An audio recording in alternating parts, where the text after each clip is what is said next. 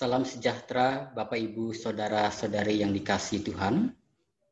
Kita bersyukur hari ini kita bersama-sama lagi dalam pembacaan dan perenungan firman Tuhan.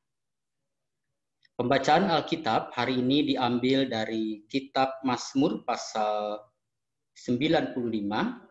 Saya akan membaca bagian ayat 1 dan ayat yang ke-6, tapi Bapak Ibu Saudara bisa membaca seluruh bagian Mazmur 95 ini.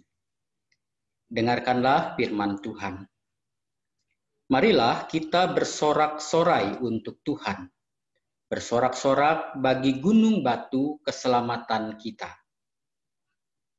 Masuklah, marilah kita sujud menyembah, berlutut di hadapan Tuhan yang menjadikan kita.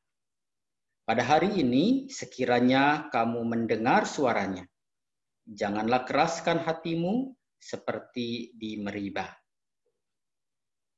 Saudara-saudara kekasih Tuhan, demikian pembacaan Alkitab. Berbahagialah setiap kita yang mendengarkan firman Tuhan dan yang memeliharanya dalam kehidupannya. Saudara kekasih Tuhan, apa yang mendorong kita tetap beribadah kepada Tuhan, terutama di masa pandemi seperti sekarang ini, di mana kita beribadah di rumah saja secara online.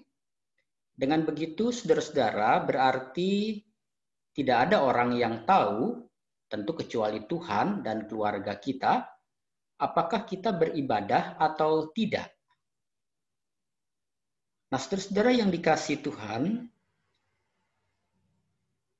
pemazmur di dalam bacaan kita mengajak kita sebagai umat Tuhan untuk beribadah kepada Tuhan dengan bersuka cita dan dengan bersujud menyembah Tuhan serta dengan ketaatan kepada firman-Nya. Saudara-saudara yang dikasih Tuhan, melalui Mazmur 95 ini, yang pertama, sang pemazmur mengatakan ajakannya untuk memuji Tuhan dengan sorak-sorai, yaitu memuji Tuhan dengan penuh semangat, dengan penuh sukacita. Dikatakan bersorak-sorak dengan nyanyian syukur dan bersorak-sorak dengan nyanyian mazmur. Di situ sang pemazmur mengungkapkan mengapa kita menghadap Tuhan dengan semangat, dengan sukacita, dengan sorak-sorai, sebab dia katakan Tuhan adalah Allah dan Tuhan adalah Raja yang besar, dia adalah sang pemilik, pencipta, penguasa bumi, langit, laut, serta semua yang ada di dalamnya. Jadi saudara-saudara yang dikasih Tuhan, kita memuji Tuhan karena siapa Tuhan itu. Bukan karena siapa diri kita. Dan dia adalah Allah, dia adalah Raja yang agung, pemilik pencipta kehidupan yang patut dipuji dan ditinggikan. Hal yang kedua, saudara-saudara, sang pemazmur mengajak kita umatnya untuk menghadap Tuhan dengan sujud menyembah, dengan hikmat, dengan berlutut di hadapannya. Di situ diungkapkan kata sujud menyembah, berlutut di hadapan Tuhan. Ini berarti kita diajak untuk beribadah kepada Tuhan dengan kerendahan hati. Alasannya karena Tuhan adalah pencipta, kita adalah ciptaannya. Tuhan adalah Allah kita, dan kita adalah umatnya. Tuhan adalah gembala kita, dan kita adalah domba-dombanya. Saudara-saudara kekasih Tuhan, dengan menyadari siapa Tuhan dan menyadari siapa diri kita, maka sepatutnya kita beribadah kepadanya dengan kerendahan hati. Itulah sebabnya dikatakan, janganlah keraskan hatimu ketika engkau mendengar firman-Nya, yaitu seperti nenek moyang orang Israel di padang gurun yang mengeraskan hati terhadap Tuhan dan tidak mau mengikuti jalan yang Tuhan tunjukkan.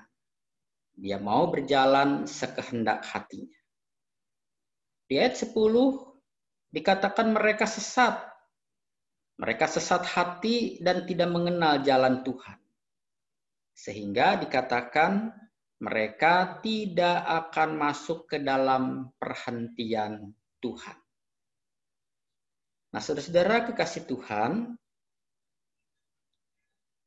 ibadah kepada Tuhan selain dengan sukacita, yaitu dengan pujian, dengan semangat, dan beribadah kepada Tuhan dengan kerendahan hati, dengan hikmat, mau mendengar firman-Nya, tetapi juga ibadah kepada Tuhan dengan kerendahan hati itu harus ditunjukkan dengan ketaatan kepada Tuhan agar kita akan masuk ke tempat perhentiannya kelak.